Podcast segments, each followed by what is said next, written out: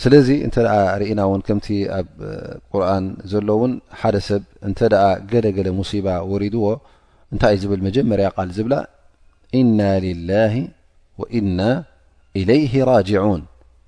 እና ላ ወኢና ኢለይህ ራጅዑን እንታይ ማለት እያ ንሕና ኩላህና ምልኪ ናይ ኣላ ስብሓን ወተላ ኢና ምሉኻት ናይ ኣላ ስብሓ ኣላ ስብሓን ወተላ እዩ ዝመልከና ናቲ ዋኒን ኢና ድላዩ እዩ ዝገብረና ኩሉ ኣብ ኢድና ዘሎ እውን ናቱ ምልኪ እዩ እና ልላ ስለዚ ናቱ ምልኪ ካብ ኮና ፅባሕ ንግሆ እውን ናብኡኢና ክንምለስ ስለዚ ነፍስናን ገንዘብናን እንፈትዎን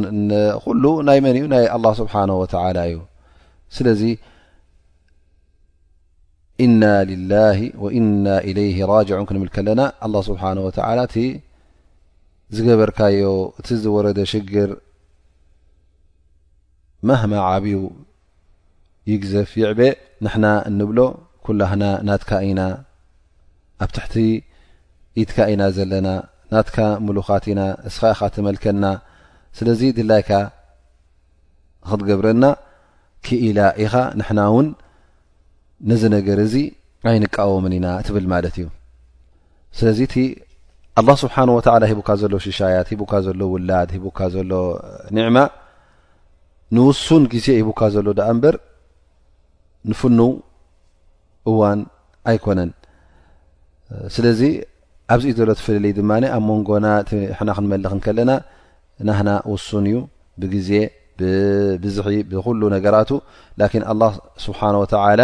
ንዓና ይኹን ነቲ ሰማይን መሬትን ነቲ ኩሉ እንመልኮ እቲ ዋኒን ናቱ ማእለያ ወይ ከዓ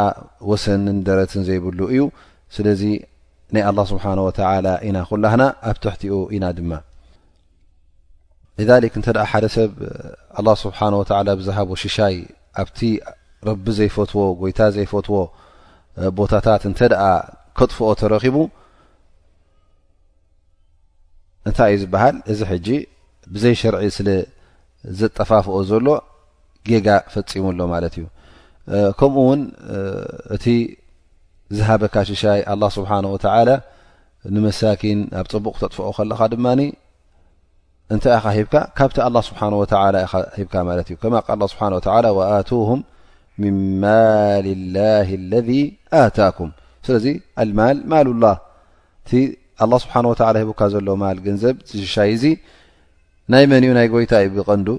ስለዚ እንተ ደኣ ነዚ ማል እዚ ነዚ ገንዘብ እዚ ከተጥፍኦ እንተ ኮይንካ ኣብቲ ጎይታ ኣብቲ ኣላህ ስብሓን ወተዓላ ዘፍቀደልካ ክተጥፍኦ ኣለካ ደኣ እምበር ካብኡ እንተ ወፂእካ ኣብቲ ዘየፍቀደልካ እንተ ኣጥፊእካዮ ወንጀል ትፍፅም ኣለኻ ማለት እዩ ስለዚ ሕና እቲ ኣላህ ስብሓን ወተዓላ ዝሃበና ክሕድገና እንከሎ ክንስንብድ የብልናን ክንቁጣዕ የብልናን ክንፅርፅር የብልናን ክንሽገር እውን የብልናን ምክንያቱ እዚ ንገዛ ርእሱ ከምቲ ዝበልናዮ ምስቲ ናይ ኣእምራዊ ሓሳብ እውን ምስኡ ዘይቃዶ ዩ ኣይኮነን ዶ ምስቲ ናይ ሸርዒ እስልምና ከምኡ ውን ነቢና መሓመድ ለ ላه ለ ሰለም ኣብዚ ሓዲስ እዚ ኩሉ ነገራት ኣላ ስብሓን ወተላ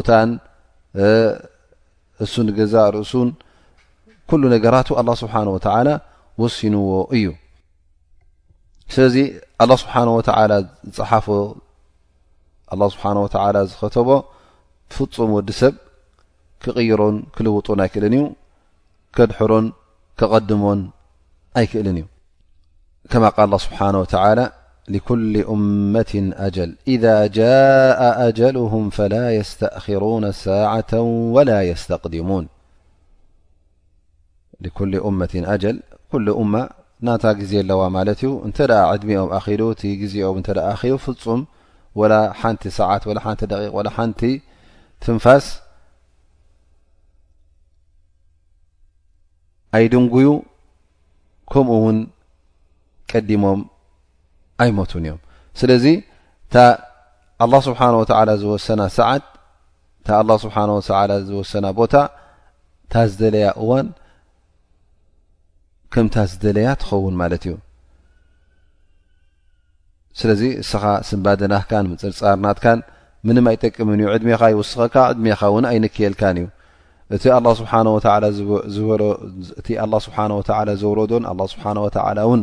ዝወሰኖን ብምፅርፃር ዝቕየር ኣይኮነን ስለዚ እቲ ሓንቲ ቅንዕትን ፅብቕትን ዘላትካ ኣብዚ ሰዓት እዚ ስብሪ ክትገብር ትዕግስቲ ክትገብር ከለኻ እዩ ኣብዚ ሓዲስ እዚ ንሪኦ እውን ነቢ ስለ ላሁ ለ ወሰለም እዛ ጓሎም እዚኣ ምስ ፀወዐቶም መጀመርያ መሊሶምላ ካልኣይ ግዜ ን ኢላ ግዴታ ምፀኒ ምስ በለቶ ነቢ ስ ሰለም ከይዶም መቸም ኣብቲ ቦታ ነቲ ቆልዓ እውን ሪኦሞ ሓቂፎሞ ኣብ መጨረሻ እቲ ጉዳይ ምስ ረኣይዎ ኣዒንቶም ከም ዝነበዓ ኣብ ቅድሚ እቶም ብፆቶም ከም በዓል ሳዕድ እብኒ ዑባዳ ርኢና ማለት እዩ ሳዕድ እብኒ ዑባዳ ነቢ ስለ ላ ሰለም እንታይ ደኣሉ እዚ ኢሎም ምስ ሓተትዎም ነቢና ሙሓመድ ስ ሰለም እንታይ መሲልዎ እዩ እ እነቢ ስለ ላ ሰለም እቲ ዘብክዮም ዘሎ ናይ ስምባዴ ወይ ከዓ ናይዚ ነቲ ነገር ከምዘይተቀበልዎ ኮይኑ ተሰሚዕዎ ማለት እዩ ላኪን ነቢ ስለ ላሁ ለ ሰለም ክበክዩ ከለዉ ራሕመተን ብሰቢ እቲ ዝመውት ዘሎ ቆልዓ ኣደንጊፅዎም እዮም መይቶም ማለት እዩ ኣደንጊፅዎም እዮም በክዮም ደኣ እምበር እቲ ጉዳይ ከመይ ኢሉ ወሪዱሉ ሰንቢዶም ማለት ኣይኮነን ምክንያቱ እዚ ነገር እዚ ኣላ ስብሓን ወተላ ከም ዘውርዶ ፈልጡ ነይሮም ማለት እዩ ግን እታ ልቦም ራሕማ ስለ ዝመለአት እታ ልቦም ርህራሃ ስለ ዝመለአት እዚ ቆልዓ እዚ እዚ ህፃን እዚ ክመውት ከሎ ምስ ረኣይዎ ደንጊፆምሉ በክዮም ኢዘን እንታይ ኢና ንርኢ ዘለና ኣብዚ ሓዲስ እዚ እንተ ሓደ ሰብ ዘብኪ ነገር ሪኡ እንተ በክዩ ዝመውት ሰብ እንተ ወይ ከዓ ሰብ ሞይትዎ እንተ በኽዩ እዚ ብክያት እዚ ካብ ድንጋፀ ማለት ነቲ ዝሞተ ደንጊፅሉ ራህሪህሉ እንተ ኮይኑ እንተ በኽዩ ወላ እውን ንሓደ ሰብ እንተ መሰለ ሕማም ብሕማም ወይ ከዓ ተፀሊሉ ይኹን ወይ ገለ እንተ ቀደም ብጥዕንኡ ትፈልጦ ነርካ ርኢኻዮ ሕጂ ተፀሊሉ ሓሚሙ ሕማቕ ኣብ ሕማቕ መድረኽ ኣብ ሕማቕ ኩነታት እተ በፂሑ ሞ በኺኻ ኣሉ ወይ ከዓ ነቢዕካ ኣሎስ እዚ ካብ ምንታይ ተበጊስካ ኢኻ ካብ ርህራሀ ኣብ ልብኻ ዘሎ ስለተበገስካ ስለዚ እዛ ራሕማ እዚኣ እውን ኣላ ስብሓን ወተላ ኣብ ልቢ ደቂ ሰባት ከም ዘውረዳ ነቢና ሙሓመድ ለ ላ ለ ሰለም ሓቢሮም ማለት እዩ ከምኡ ውን እዚ ራሕማ እዚ ፍትው ከም ምዃኑ ላ ስብሓን ወተላ እውን እቶም ባሮቱ እቶም ዝፈትዎም ባሮቱ ክረሕሞም እንከሎ ካብ ምንታይ እቶም ራሕማ ዘለዎም ሰባት ከም ምዃኖም እነሀ እዚ ሓዲስ እ እነማ የርሓሙ ላሁ ምን ዕባድ ኣሩሓማ ላ ስብሓን ወተላ እቶም ራሕማ ዘለዎም ሰባት ካብ ባሮቱ ንዕኦም እዩ ዝረሕመሎም ንዕኦም እዩ ዝሽፍቀሎም ምክንያቱ እሶም ሰብ ራሕማ ስለ ዝኾኑ ከምቲ ኣብ ኣዱንያ ከለዉ ንምስ ሰብ ዝርሕሙ ዝነበሩ ነቲ ውላዶም ይኹን ነቤተሰቦም ይኹን ነቲ ህብረተሰቦም ይኹን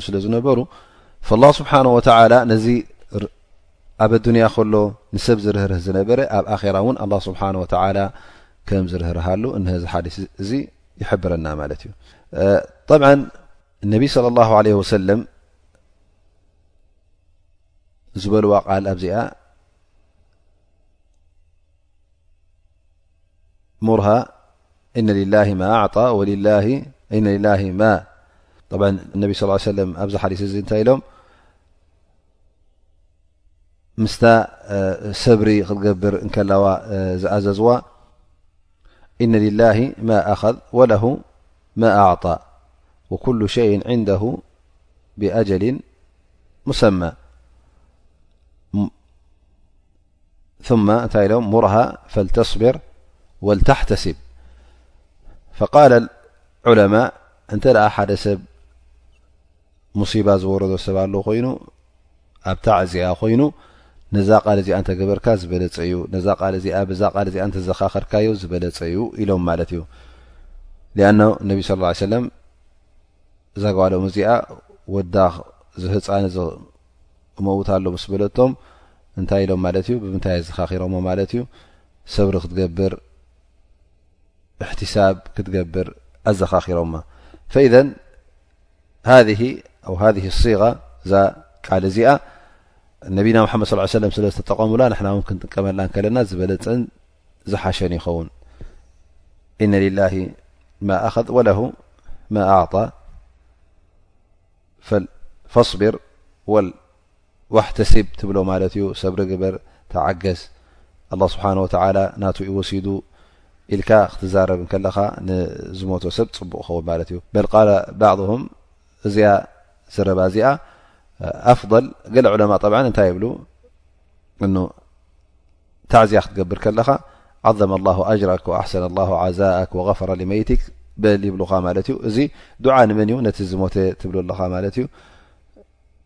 ባዕድ ዑለማء ገሊኦም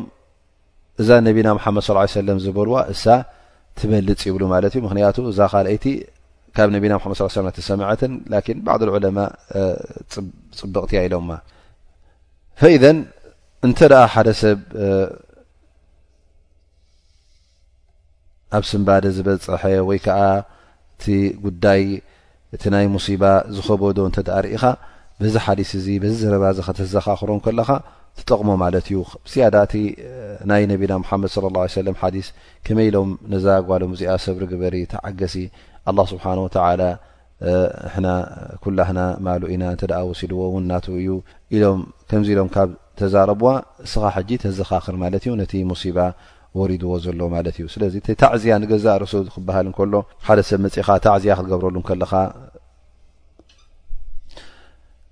እንታይ ማለት እዩ ክዕገስ ከተፀናንዖ ከለኻ ድማ ንህልካ ደኣሲ እቲ ምፅንናዕ እንታይ ማለት እዩ እቲ ወሪድዎ ዘሎ ሽግር ሲ ክትቃልለሉ ናብ ኣላ ስብሓን ወተላ ከም ዝቀርብ ክትገብሮ ከየንፀርፅር ስለ ዝኾነ ስለዚ ተታዕዝያ ክግበር እንከሎ እቲ ናይ ሸሪዓ መንገዲ መገዲ ሱና ነቢና ሙሓመድ ለ ላ ለ ወሰለም ዝሓዘ ክኸውን ግዴታ እዩ ምናልባሽ ኣብዚ ግዜና እዚ እቲ ታዕዝያ ክበሃል እንከሎ ወይ ከዓ ሞት ክርከብ እንከሎ ኣብ ብህብረተሰብና ይኹን ኣብ ካልእ ዓይነት ህብረተሰባት እንተ ርኢኻ ብዙሕ ኣብቲ ሱና ነቢና ሙሓመድ ለ ላሁ ለ ሰለም ዘየሎ ናይ ምእካብ ኮይኑ ናይ ሰብ ምዕዳም ኮይኑ ናይ ቁርን ዝቆርኡ ሰብ ምፅዋዕ ኮይኑ ወይ ከዓ ካልእ ኣገባባት የእትውሉ ማለት እዩ ገሊኦም እውን መርዓ ድዩ ወላ ሞት ዩ ዘይትፈልጠሉ እዋናት እውን ኣሎ ማለት እዩ ልችታት ዘሎ መብራህቲ ዘሎ ዳሳት ይስራሕ ናልካ ዳእሲ ዝብላዕ ይመፅእ ዝስተ ይመፅእ ከምዚታት እዚታት ኩሉ ኣብ ሸርዒ እስልምና የለን እታ ዘላ እንተ ሞት ተረኪቡ እቲ ታዕዝያ ክግበር እንከሎ ነቲ ሙሲባ ነቲ መዓት ወሪድዎ ዘሎ ሰብ ንዕኡ ከተፀናንዖ ኣለካ ካብቲ ዘለዎ ሓሳብ ካብቲ ወሪድዎ ዘሎ ሽግር ካብኡ ከተውፅኦ ናብ ኣላ ስብሓን ወተላ ክትመልሶ እዩ ማለት እዩ ጠብ እቲ ታዕዝያ ኩሉ ግዜ ንመን እዩ ዝወሃብ ወይ ከዓ እቲ ምጽንናዕ ንመን እዩ ነቲ ወሪድዎ ዘሎ ሙሲባ ማለት እዩ ምናልባሽ ገለ ሰባት ሕጂ ታዕዝያ ክገብር እንከሎ እንተዳርኢኻዮ ናብቶም ኣዝማድ ናብቶም ኣሕዋት ናብኦም ኸይድ ላኪን ለይሰ ብደሩራ ኢሎም ዑለማ እቲ ሙሲባ ናብቲ ሓው ወይ ከዓ ናብቲ ዘመድ ክኸውን ምናልባሽ ገለ ሰባት እቲ ዝሞተ ዘመዶም እንከሎ ኣብ ኣዱንያ እንከሎ ወላ ሓቲቶምሉ ዘይፈልጡ መዓስ ይመውት ውን እብሉ ነይሮም ይኾኑ ምናልባሽ ስለዚ ነዞም ከምዚ ኢሎም ዝሓስቡ ዝነበሩ ታዕዝያ ንክትገብሮም ክትገብረሎም ኣድላይ ይኮነን መን ኢካ ተዕዝያ ትገብረሉ እቲ በዛ ወሪዳቶ ዘላ ሽግር በዛ ወሪዳቶ ዘላ ሙሲባ ተሸጊሩ ትረኽቦ ምናልባሽ ሓደ ሰብ ዓርኩ ክመቶ ከሎ ብዝያዳ ይሓዝን ይኸውን ብዝያዳ ጓሂ ይስምዖ ይኸውን ምናልባሽ እቲ ሓዉ ክንዲቲ ዓርኩ ኣይጉህየሉ ንኸውን ስለዚ ምንኩን ቀዳምነት ነቲ ዓርኩ እውን ታእዝያ ትገብረሉ ምክንያቱ ፈትዎን የፍቅሮን ስለ ዝነበረ በል ኣብ ገለገለ ቤተሰብ ምናልባሽ እውን ንርኢ ብሰንኪ ገንዘብ ኮይኑ ብሰንኪ ናይ ውርሻ ኮይኑ ሰላም ዘይበሃሉን ዘይተሓታተቱን ነይሮም ምኾኑ እቲ ሓዲ ነቲ ሓተ መዓስ ሞተለይ ዘን ኣሕዲጉኒ ዘሎ ገንዘብ ዘንወሪሶ ኣነ ንዓይ ዝግባእኒ ዝነበራ ውርሻ ወሲዎን ዘሎ ንክምንጥሎ ክንደይ ሓሲቡ ኸውን ኣብ ቤት ፍርድን ኣብ ላዕልን ታሕትን ኣብ ሽማግለን ልቡጥፊኡሉ ነይሩ ኸውን ስለዚ ምስ ሞተ ወዲ ሓቦኻ ሞይቱ ወይ ከዓ ሓውኻ ሞይቱ ኢልካ ነዚ ሰብ እዚ ክትዕዝዮ ከለኻ ብልቡ እንቋዕ ተኻረጅኩ እዩ ዝብል ዘሎ ካብዚ ሰብ እዚ ብናልባሽ ተሓጒሱ ኸውን እንቋዕ ሞተለ ይብል ኸውን ስለዚ እቲ ታዕዝያ ክበሃል እንከሎ ንመን እዩ ነቲ ሓዘንተኛ ነቲ ጉሂው ዘሎ ወላ እውን ዘመዱ ይኹን ምናልባሽ ዓርኩ ኸውን ምናልባሽ ርሕቕ ዝበለ ዘመድ ኸውን ላኪን ኣብ መንጎ ክልቲኦም መሓባን ፍቕርን ስለ ዝነበረ ዝያዳ ክሓዝን ስለ ዝኽእል እዘን ታዕዝያ ተኩኑ ሊመን ታዕዝያ ክበሃል ከሎ ነቲ ሙሲባ ወይ ከዓ ነቲ መዓት ነቲ ሽግር ወሪድዎ ዘሎ ሰብ ይኸውን ማለት እዩ ናይ ሎም ደርስና እንሻ ላ በዚ ንድምድሞ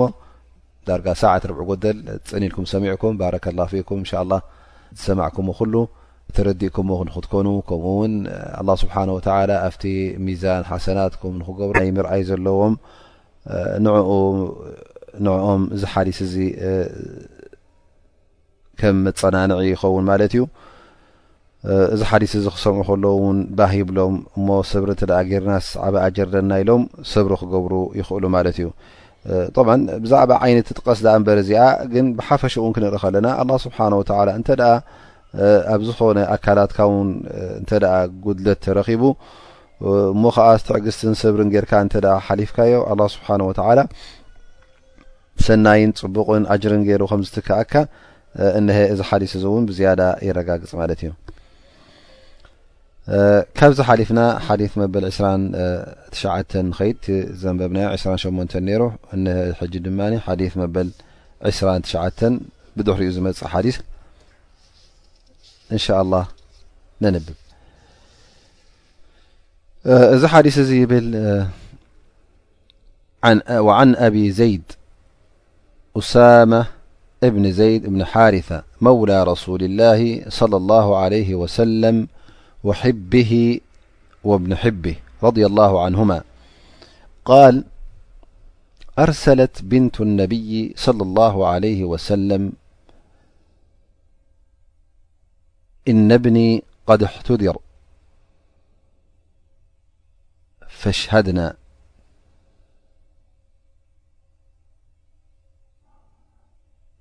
فأرسل يقرأ السلام ويقول إن لله ما أخذ وله ما أعطا وكل شيء عنده بأجل مسمى فلتصبر ولتحتسب فأرسلت إليه تقسم عليه لتأتينها فقام ومعه سعد بن عبادة ومعاذ بن جبل وأبي بن كعب وزيد بن ثابت ورجال رضي الله عنهم فرفع إلى رسول الله- صلى الله عليه وسلم الصبي فأقعده في حجره ونفسه أو ونفسه تقعقع ففاضت عيناه فقال سعد يا رسول الله ما هذا فقال هذه رحمة جعلها الله تعالى في قلوب عباده وفي رواية في قلوب من شاء من عباده وإنما يرحم الله من عباده الرحماء متفق عليه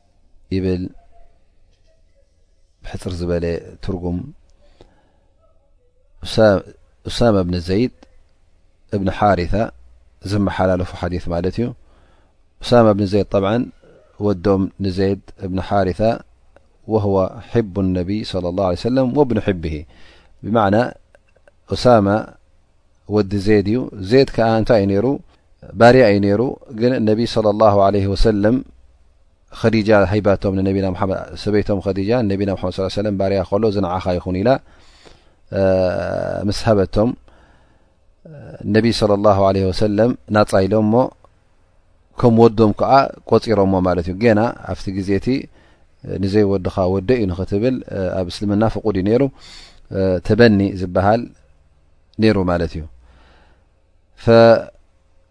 ነቢ ስ ሰለ ንኡሳማ ብጣዕሚ ፈትዎ ነይሩ ኡሳማ እውን ዜድ ዝበሃል ወዲ ነይርዎ ወሊዱ ማለት እዩ ነዚ ወዲ እውን ብጣዕሚ ፈትዎ ሩ ስለዚ ክልቲኦም ፈትዎም ስለ ዝነበረ እብኑ ሒቢ ሒቢ ወብኑ ሒቢ ፍትውን ወዲ ፍትውን ንነቢና ሓመድ ለ ላ ለ ሰለም ዝብል ቅፅል ተዋሂቡ ነይሩ ማለት እዩ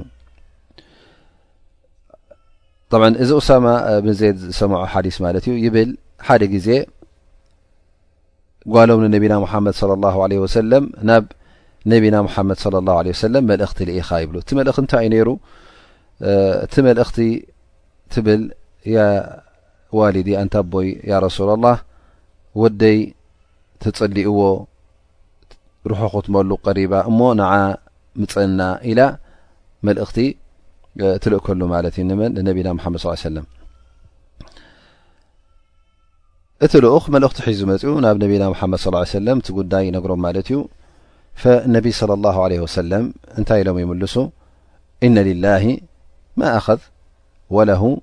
ما أعطى وكل شيء عنده بأجل مسمى فلتصبر ولتحتسب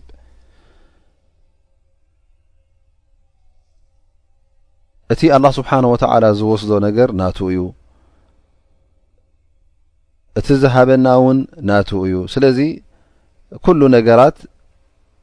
الله سبحانه وتعلى معلت وسنل ዩ ل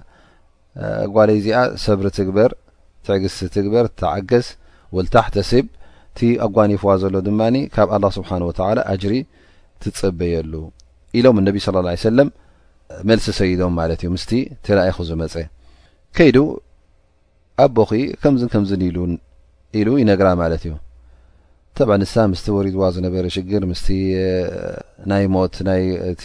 ውላዳ ንእሽተይ ቆልዓ እዩ ነይሩ እንደገና መልእኽቲ ትሰደሎም ማለት እዩ ነቢና ሓመድ ስ ሰለ ፈኣርሰለት ኢለይ ትቕሲም ዓለ ወላ ክትመፀኒ ኢላ ኣነ ከምዚ ኮይነ እዚ ኩሉ ኣጓኒፉንስ ሱቕኢልካ ክትርእየኒ ኢላ ወላ ክትመፀኒ ኢላ መልእኽቲ ሰይዳትሉ ክትመፀኒ ለካ ክትመፀኒ ለካ ግዴታ ኢላቶ ማለት እዮም ነቢና ሓመድ ስ ሰለም ፈነቢ ለ ላ ለ ወሰለም ንዓ ንክሐጉሱ ኢሎም ምስኦም ሳዕድ ብኒ ዑባዳ ዝበሃል ነይሩ ሙዓዝ ብኒ ጀበል ኡበይ ብኒ ከዓብ ዜድ ኣብኡ ነይሩ ከምኡ ውን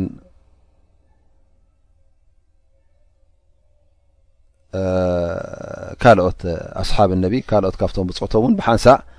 ምስ ነቢና ሓመድ ስ ሰለም ተበጊሶም ይኸዱ ማለት እዩ ምስ ከዱ ኣብኡ ምስ በፅሑ እቲ ፀሊእዎ ዝነበረ ቆልዓ ህፃን ዳርጋ ናይ ሞት ምልክት ዝረአ ነይሩ ማለት እዩ ናብ ነቢና ሙሓመድ صለ ላه ለ ሰለም ኣቕሪቦም ነቢ ስ ሰለም ተቐበል ኣቢሎም እውን ኣብ ሕቕፎም ነዚ ህፃን እዚ ኮፍ የብልዎ ማለት እዩ ኮፍ ምሰብልዎ ምስ ሓቆፍዎ ትንፋሱ ሽዑ እና ተንቀሳቀሰ ኣብቲ ትንፋሱ ፅቡቅ የተንፍስ ኣይነበረን እቲ ናይ ሞት ዓላማ እቲ ትንፋሱ ከዓ ወፅእ ዘሎ ሩሑ ትወፅእ ዘላ ኮይኑ ይንቀሳቀስ ነሩ ማለት እዩ ቆልዓ ህፃን ፈነቢ ስለ ላ ለ ወሰለም እዚ ቆልዓ እዚ ከምዚ ዝኣመሰለ ሕማም ወሪድዎ ናብ ሞት ክበፅሕ ከሎ ምስ ረኣይዎ ነቢ ስ ሰለም ኣዒንቶም ንብዓት ጠረብረብ ኣቢለን ማለት እዩ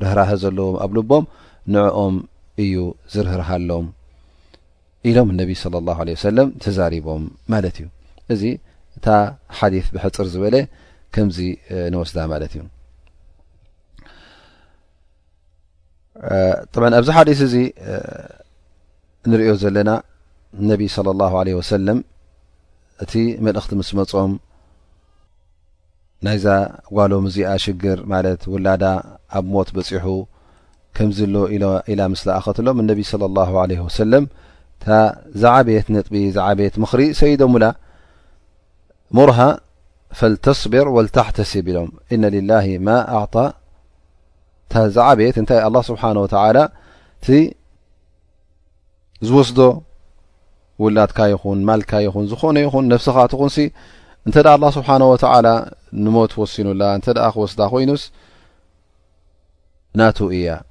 እቲ ዝሃበካ ኩሉ ሃብቲ ናቱ እዩ ስለዚ ኣብ ዱንያ ዘሎ ነገር ኩሉ ሸይ ኩሉ ኣብ ኣዱንያ ዘሎ ነገር ኣላ ስብሓን ወተላ መዓልቲ ውሱን መዓልቲ ገይሩሉ እዩ ዝውዳኣ ኣለዎ እዛ ኣዱንያ እዚኣ ንመን ነራ ቅድሚ ሕጂ ኣይትነብረን እያ ስለዚ መዓልቲ ገይሩሉ ኣላ ስብሓን ወተላ ወሲኑሉ እዩ ዝኾነ ነገር መጨረሻ ኣለዎ ስለዚ እዛ ሰብ እዚኣ ሰብሪ ትግበር ኢሎም ነቢ ስ ሰለም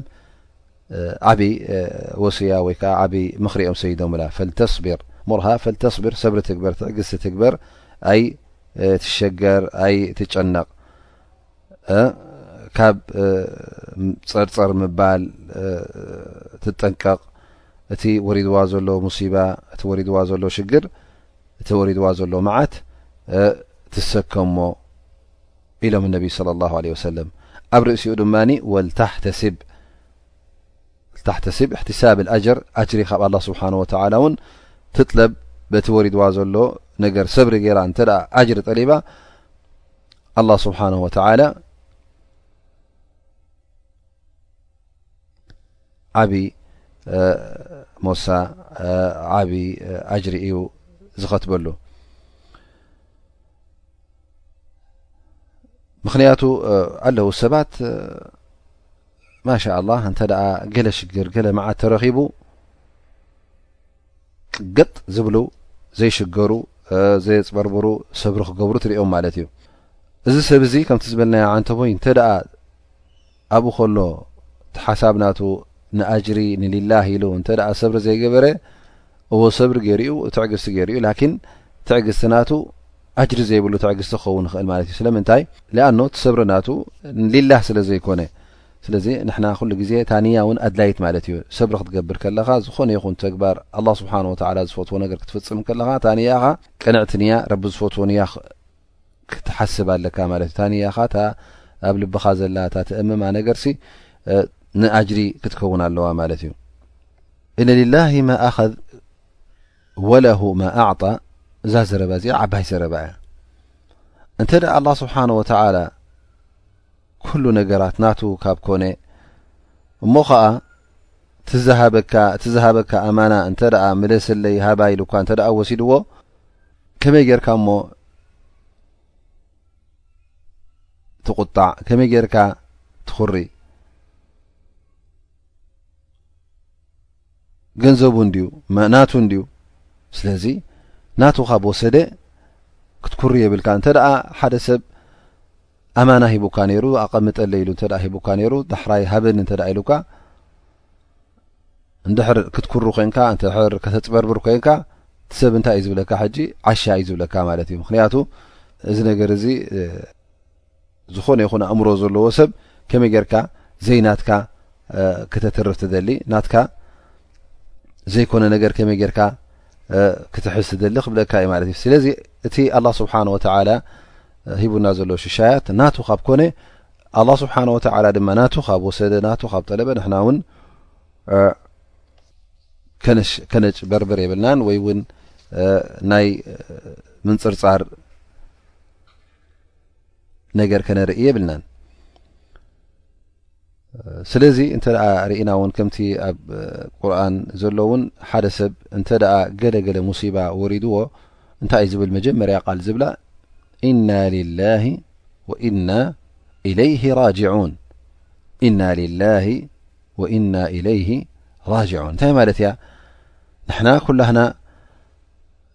ምልኪ ናይ ኣላ ስብሓን ወተላ ኢና ምሉኻት ናይ ኣላ ስብሓ ኣላ ስብሓን ወተላ እዩ ዝመልከና ናቲ ዋኒን ኢና ድላዩ እዩ ዝገብረና ኩሉ ኣብ ኢድና ዘሎ እውን ናቱ ምልኪ እዩ እና ልላ ስለዚ ናቱ ምልኪ ካብ ኮና ፅባሕ ንግሆ እውን ናብኡኢና ክንምለስ ስለዚ ነፍስናን ገንዘብናን እንፈትዎን ኩሉ ናይ መን እዩ ናይ ኣላ ስብሓን ወተላ እዩ ስለዚ ኢና ልላ ወኢና ኢለይ ራጅዑን ክንብል ከለና ኣላ ስብሓን ወተላ እቲ ዝገበርካዮ እቲ ዝወረደ ሽግር ማህማ ዓብዩ ይግዘፍ ይዕበ ንሕና እንብሎ ኩላህና ናትካ ኢና ኣብ ትሕቲ ኢድካ ኢና ዘለና ናትካ ምሉኻት ኢና እስኻ ኢኻ ትመልከና ስለዚ ድላይካ ንክትገብረና ክኢላ ኢኻ ንሕና ውን ነዚ ነገር እዚ ኣይንቃወምን ኢና ትብል ማለት እዩ ስለዚ እቲ ኣላ ስብሓን ወተላ ሂቡካ ዘሎ ሽሻያት ሂቡካ ዘሎ ውላድ ሂቡካ ዘሎ ኒዕማ ንውሱን ግዜ ሂቡካ ዘሎ ድኣ እምበር ንፍኑው እዋን ኣይኮነን ስለዚ ኣብዚ ዘሎ ትፍልልይ ድማ ኣብ መንጎና እቲ ሕና ክንመልኽ ከለና ናህና ውሱን እዩ ብግዜ ብብዝሒ ብኩሉ ነገራቱ ላኪን ኣላህ ስብሓን ወተዓላ ንዓና ይኹን ነቲ ሰማይን መሬትን ነቲ ኩሉ እንመልኮ እቲ ዋኒን ናቱ ማእለያ ወይ ከዓ ወሰንን ደረትን ዘይብሉ እዩ ስለዚ ናይ ኣላህ ስብሓን ወተዓላ ኢና ኩላህና ኣብ ትሕቲኡ ኢና ድማ ሊክ እንተ ሓደ ሰብ ኣላ ስብሓን ወተላ ብዝሃቦ ሽሻይ ኣብቲ ረቢ ዘይፈትዎ ጎይታ ዘይፈትዎ ቦታታት እንተ ደኣ ከጥፍኦ ተረኪቡ እንታይ እዩ ዝበሃል እዚ ሕጂ ብዘይ ሸርዒ ስለ ዘጠፋፍኦ ዘሎ ጌጋ ፈፂሙ ኣሎ ማለት እዩ ከምኡ እውን እቲ ዝሃበካ ሽሻይ ኣላ ስብሓን ወተላ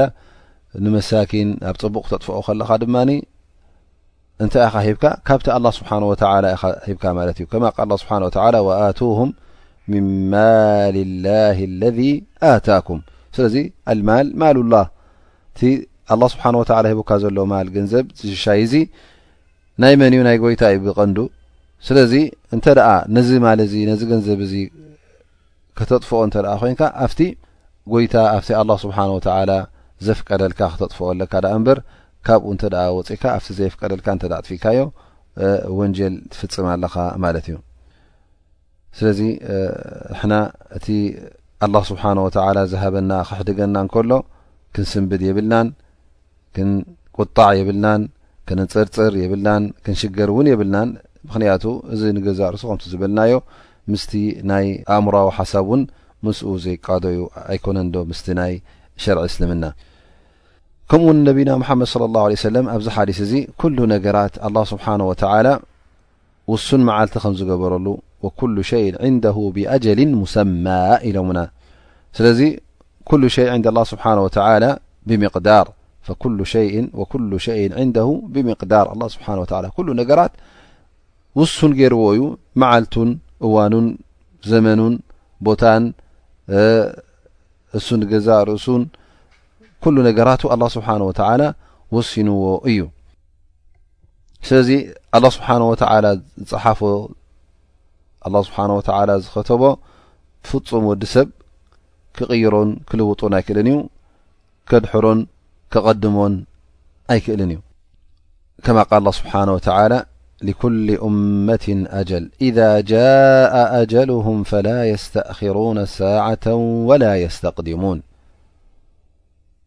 ሊኩሊ ኡመቲን ኣጀል ኩሉ ኡማ ናታ ግዜ ኣለዋ ማለት እዩ እንተ ዕድሚኦም ኣኪሉ እቲ ግዜኦም እተ ኣኪሉ ፍፁም ወላ ሓንቲ ሰዓት ወላ ሓንቲ ደቂቅ ወላ ሓንቲ ትንፋስ ኣይድንጉዩ ከምኡ እውን ቀዲሞም ኣይሞቱን እዮም ስለዚ እታ ኣላ ስብሓን ወተላ ዝወሰና ሰዓት እታ ኣላ ስብሓን ወተላ ዝወሰና ቦታ እታ ዝደለያ እዋን ከምታ ዝደለያ ትኸውን ማለት እዩ ስለዚ እስኻ ስንባደ ናትካን ምጽርጻር ናትካን ምንም ኣይጠቅምን እዩ ዕድሜኻ ይውስኸካ ዕድሜኻ እውን ኣይንክየልካን እዩ እቲ ኣላ ስብሓን ወተላ ዝበሎ እቲ ኣላ ስብሓን ወተላ ዘውረዶን ኣላ ስብሓን ወተላ እውን ዝወሰኖን ብምጽርጻር ዝቕየር ኣይኮነን ስለዚ እቲ ሓንቲ ቅንዕትን ፅብቕትን ዘላትካ ኣብዚ ሰዓት እዚ ሰብሪ ክትገብር ትዕግስቲ ክትገብር ከለኻ እዩ ኣብዚ ሓዲስ እዚ ንሪኦ እውን ነቢይ ስለ ላሁ ለ ወሰለም እዛ ጓሎም እዚኣ ምስ ፀውዐቶም መጀመርያ መሊሶምላ ካልኣይ ግዜ ን ኢላ ግዴታ ምፀኒ ምስ በለቶ ነቢ ስ ሰለም ከይዶም መቸም ኣብቲ ቦታ ነቲ ቆልዓ እውን ሪኦሞ ሓቂፎሞ ኣብ መጨረሻ እቲ ጉዳይ ምስ ረኣይዎ ኣዒንቶም ከም ዝነበዓ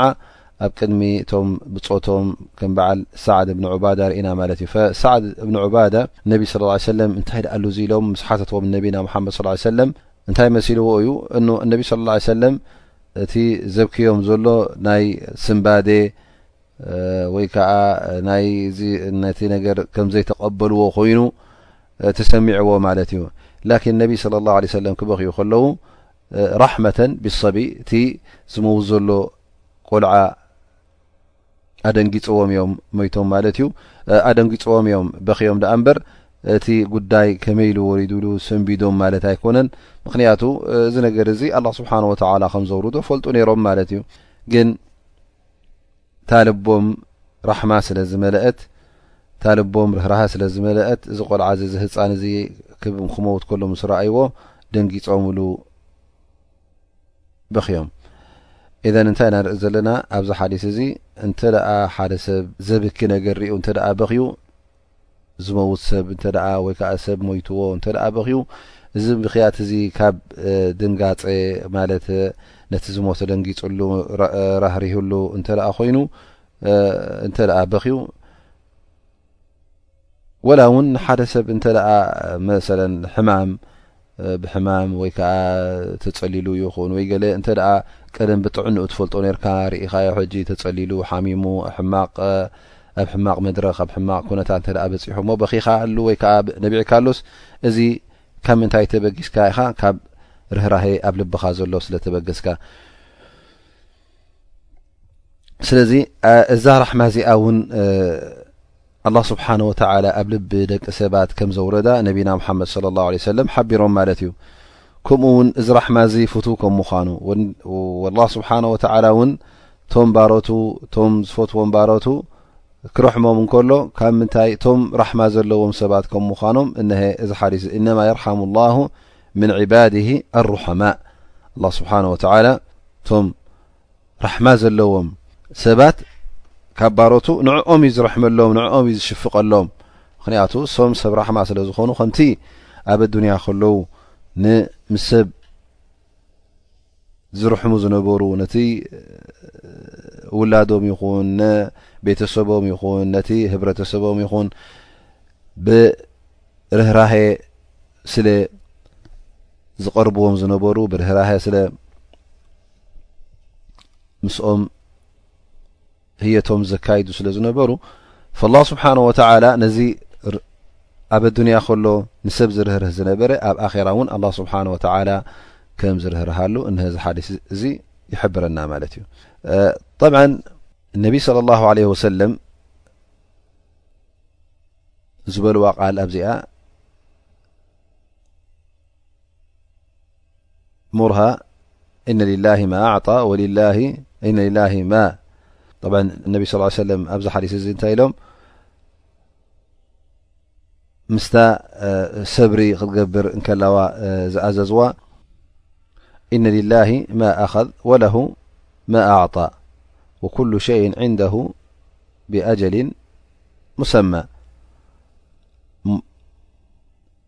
ثم እንታይ ኢሎም ሙርሃ ፈልተስብር ወልተሕተስብ ፈቃለ ዑለማ እንተ ደኣ ሓደ ሰብ ሙሲባ ዝወረዶ ሰብ ኣለ ኮይኑ ኣብ ታዕዚኣ ኮይኑ ነዛ ቃል እዚኣ እንተገበርካ ዝበለፀ እዩ ነዛ ቃል እዚኣ ብዛ ቃል እዚኣ እንተዘካኸርካዮ ዝበለፀ እዩ ኢሎም ማለት እዩ ሊኣኖ ነቢ ስ ሰለም እዛ ጓሎም እዚኣ ወዳ ዝህፃን እመውት ኣሎ ምስ በለቶም እንታይ ኢሎም ማለት እዩ ብምንታይ ኣዘኻኺሮሞ ማለት እዩ ሰብሪ ክትገብር እሕትሳብ ክትገብር ኣዘኻኺሮማ ፈኢዘ ሃ ኣው ሃ ሲغ እዛ ቃል እዚኣ ነቢና ሓመድ ስ ሰለም ስለ ዝተጠቐሙላ ንሕና እውን ክንጥቀመላ ከለና ዝበለፅን ዝሓሸን ይኸውን እነ ሊላ ማ ኣኸ ወለ ማ ኣዕጣ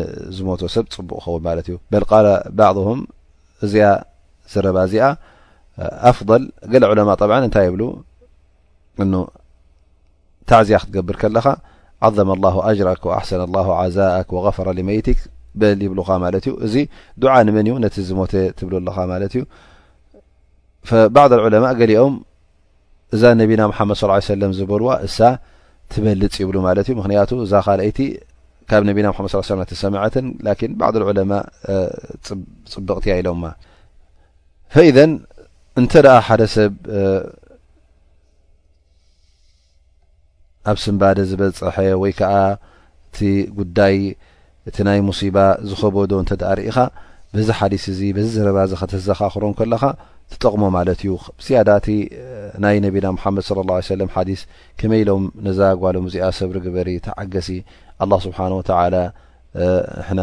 ኩላህና ማሉ ኢና እንተ ወሲድዎ ውን ናቱ እዩ ኢሎም ከምዚ ኢሎም ካብ ተዛረብዋ እስኻ ሕጂ ተዘኻኽር ማለት እዩ ነቲ ሙሲባ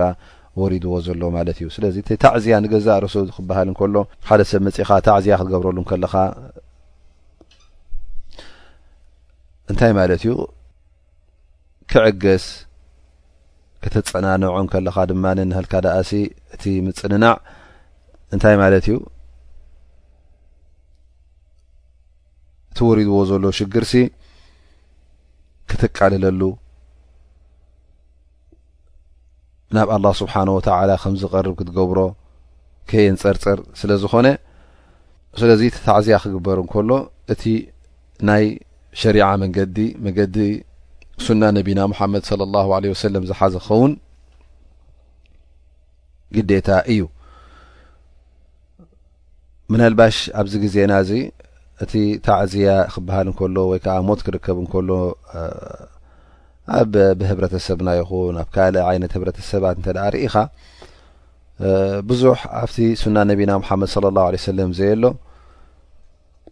ናይ ምእካብ ኮይኑ ናይ ሰብ ምዕዳም ኮይኑ ናይ ቁርን ዝቆርኡ ሰብ ምፅዋዕ ኮይኑ ወይ ከዓ ካልእ ኣገባባት የእትውሉ ማለት እዩ ገሊኦም እውን መርዓ ድዩ ወላ ሞት እዩ ዘይትፈልጠሉ እዋናት እውን ኣሎ ማለት እዩ ልችታት ዘሎ መብራህቲ ዘሎ ዳሳት ይስራሕ ናልካ ዳእሲ ዝብላዕ ይመፅእ ዝስተ ይመፅእ ከምዚታት እዚታት ኩሉ ኣብ ሸርዒ እስልምና የለን እታ ዘላ እንተ ደኣ ሞት ተረኪቡ እቲ ታዕዝያ ክግበር እንከሎ ነቲ ሙሲባ ነቲ መዓት ወሪድዎ ዘሎ ሰብ ንዕኡ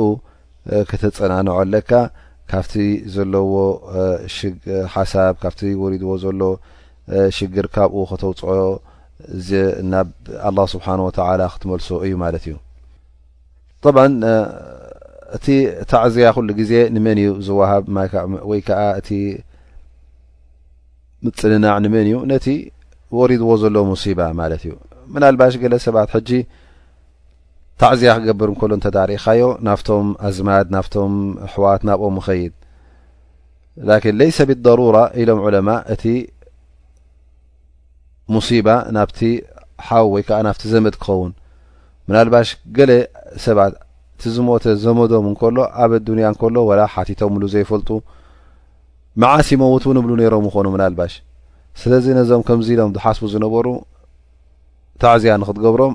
ክትገብረሎም ኣድላይ ኣይኮነን መን ኢኻ ታዕዝያ ትገብረሉ እቲ በዛ ወሪዳቶ ዘላ ሽግር በዛ ወሪዳቶ ዘላ ሙሲባ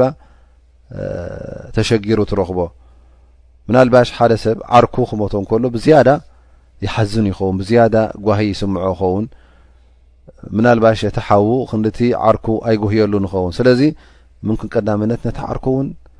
ታዕዝያ ትገብረሉ ምክንያቱ ፈትዎን የፍቅሮን ስለ ዝነበረ በል ኣብ ገለገለ ቤተሰብ ምናልባሽ እውን ንርኢ ብሰንኪ ገንዘብ ኮይኑ ብሰንኪ ናይ ውርሻ ኮይኑ ሰላም ዘይበሃሉን ዘይተሓታተቱን ነይሮም ምኾኑ እቲ ሓዲ ነቲ ሓተ መዓስ ሞተለይ ዘን ኣሕዲጉኒ ዘሎ ገንዘብ ዘንወሪሶ ኣነ ንዓይ ዝግባእኒ ዝነበራ ውርሻ ወሲዎን ዘሎ ንክምንጥሎ ክንደይ ሓሲቡ ኸውን ኣብ ቤት ፍርድን ኣብ ላዕልን ታሕትን ኣብ ሽማግለን ልቡ ጥፍኡሉ ነይሩ ኸውን ስለዚ ምስ ሞተ ወዲ ሓቦኻ መይቱ ወይ ከዓ ሓውኻ መይቱ ኢልካ ነዚ ሰብ እዚ ክትዕዝዮ ከለኻ ብልቡ እንቋዕ ተኻረጅኩ እዩ ዝብል ዘሎ ካብዚ ሰብ እዚ ብናልባሽ ተሓጒሱ ኸውን እንቋዕ ሞተለ ይብል ኸውን ስለዚ እቲ ታዕዝያ ክበሃል እንከሎ ንመን እዩ ነቲ ሓዘንተኛ ነቲ ጉሂው ዘሎ ወላ እውን ዘመዱ ይኹን ምናልባሽ ዓርኩ ኸውን ምናልባሽ ርሕቕ ዝበለ ዘመድ ኸውን ላኪን ኣብ መንጎ ክልቲኦም መሓባን ፍቕርን ስለ ዝነበረ ዝያዳ ክሓዝን ስለ ዝኽእል እዘን ታዕዝያ ተኩኑ ሊመን ታዕዝያ ክበሃል ከሎ ነቲ ሙሲባ ወይ ከዓ ነቲ መዓት ነቲ ሽግር ወሪድዎ ዘሎ ሰብ ይኸውን ማለት እዩ